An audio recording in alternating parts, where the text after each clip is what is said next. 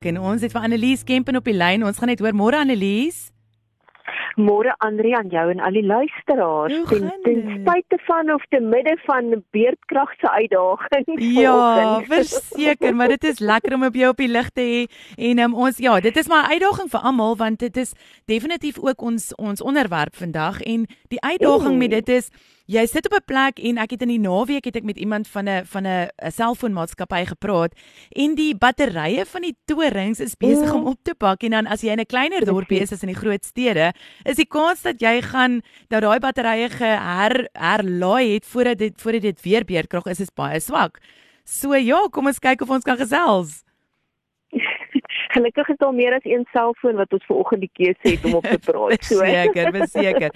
Annelies, ek dink die afgelope paar dae het ons Suid-Afrikaners verseker opnuut laat besef hoe afhanklik ons is van die betroubare elektrisiteit. En nadat dit voel vir my fase 4, 6, 8, 12, ek weet nie meer in watter fase ons is nie. Ja. Vanaf 'n Dinsdag ingestel is, ehm um, weet is 'n mens, mens kan nog 'n uur of twee aanpas op 'n slag en die elektrisiteit, maar 4 ure op 'n slag is regtig moeilik en uitdagend veral in die winter.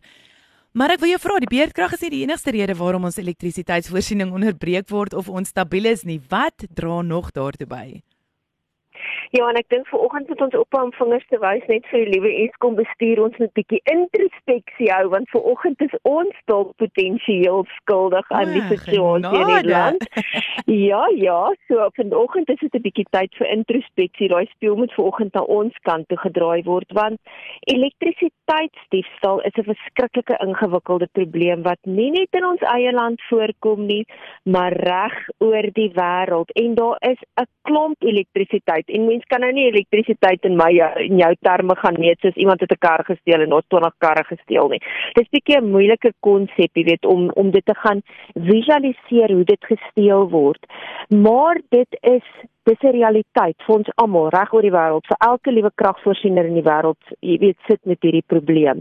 En dan is dit ook nog daai ding van genigtig broers, julle wat dit steel, dink julle nie daaraan dat dit lewensgevaarlik kan wees om elektrisiteit op een of ander manier te steel nie. En een van die groot probleme, boonop die elektrisiteitsdiefstal, daar's nog bedrog ook wat voorkom en daaroor sal ons nou-nou praat, is dat baie van hierdie eindpunte van elektrisiteit wel maklik deur lede van die publiek kan bereik word, met ander woorde waar daar kragkabels is of sulke tipe van goed, maar dat hierdie goed nie die heeltyd gemonitor kan word nie. Daar kan nie 'n polisieman, net sy in die vorm van 'n regte polisieman of 'n inspekteur die heeltyd op en af loop waar daar kragkabels loop nie. Dit is net eenvoudig onmoontlik en ongelukkig in ons land het ons nie die geld om oral tegnologie te kan implementeer met CCTV kameras ensovoorts om hierdie goed te monitor.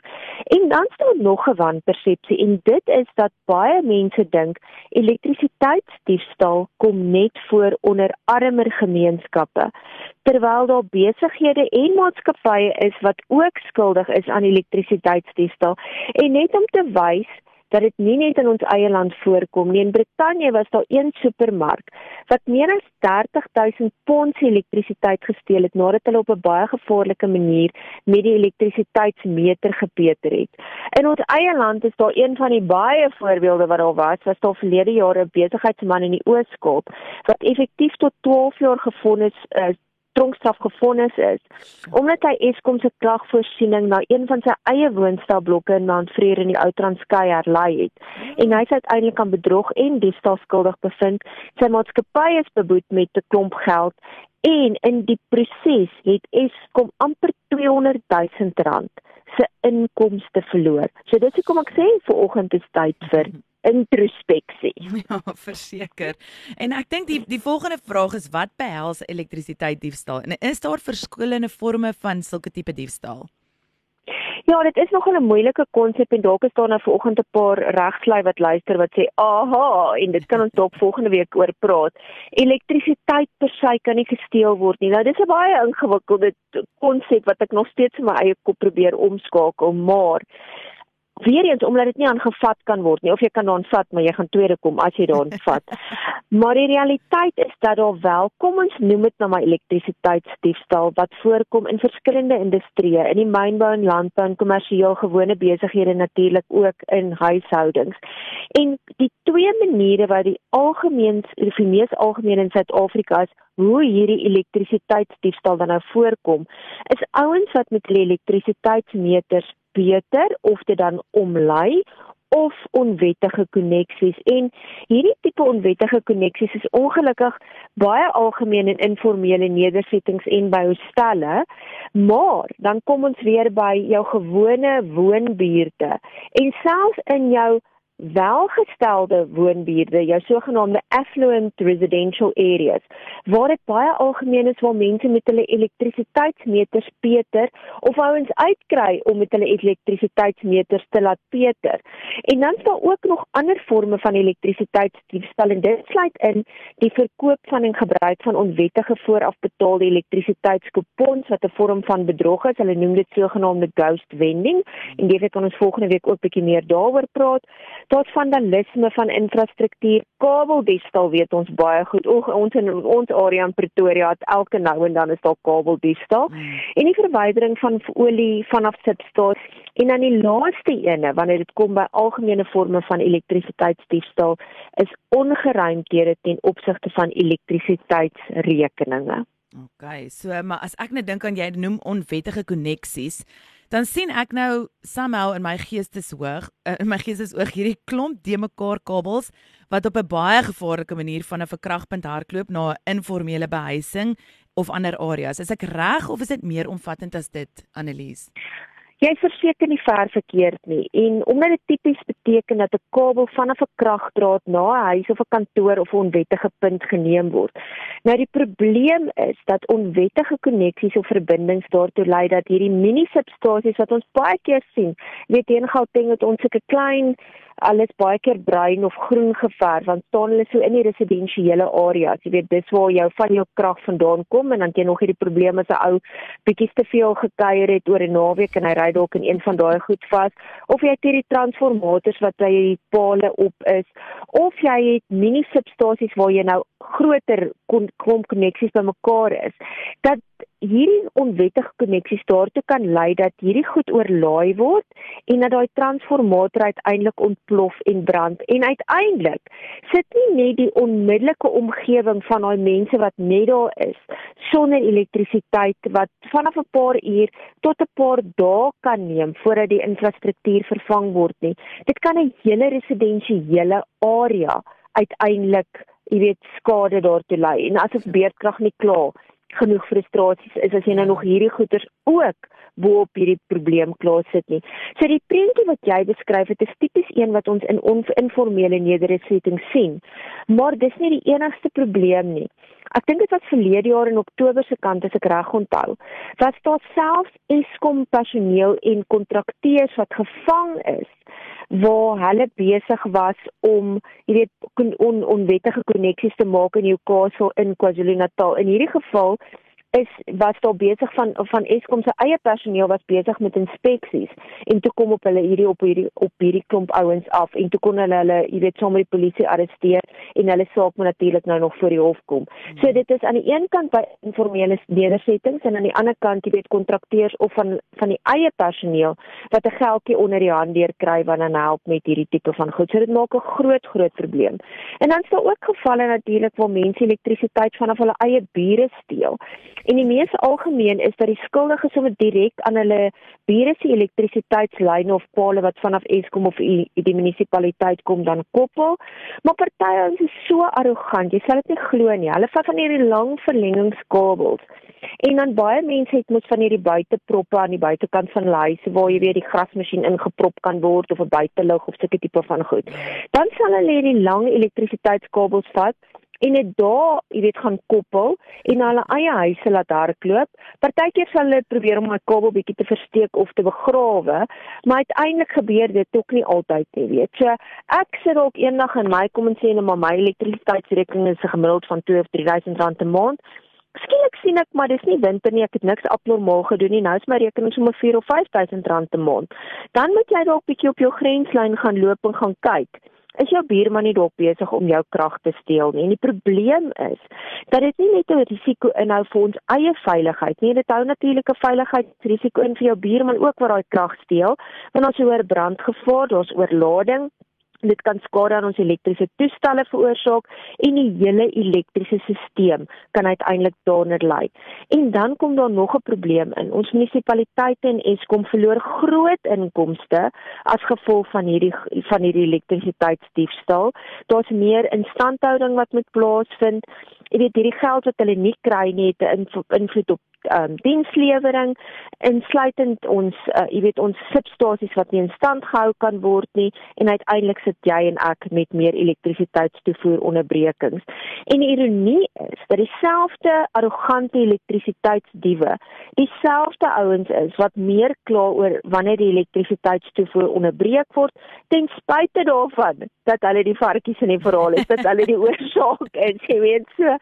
Uiteindelik word hierdie totale netwerk oorlaai. Hmm die substasie strip, ek weet nie wat se mooi Afrikaans daarvoor nie, want meer mense kry elektrisiteit as waarvoor daar voorsiening is. En dan weet ons hoeveel, jy weet, uitbreidings is daar ook nog in sekere residensiële areas. So Boonbehalwe dat ek en jy wat weet elektrisiteit hoe duur dit is. Jy weet sal hierdie ouens wat nou nog elektrisiteit steel ook, sal hulle meer gebruik want hulle betaal mos nou nie daarvoor nie. So want hulle, jy weet, dit dis kraak alles sak mos nie.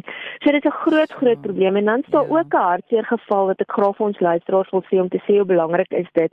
Verlede op in, in Januarie het 'n seentjie sy lewe verloor nadat hy buite sy huis gespeel het, hy het aan 'n draad geraak as gevolg van die buurman se onwettige elektrisiteitskonneksie.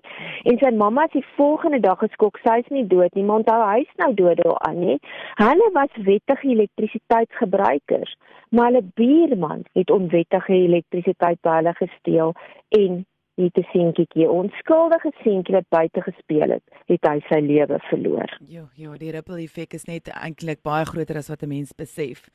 Ek ja. dink ek dink my volgende vraag aan jou Annelies en ook die laaste vraag voordat ons klaarmaak is wat gebeur as mense met hulle eie elektrisiteitsmeters beter? Ek weet mense kan nie, maar wat gebeur?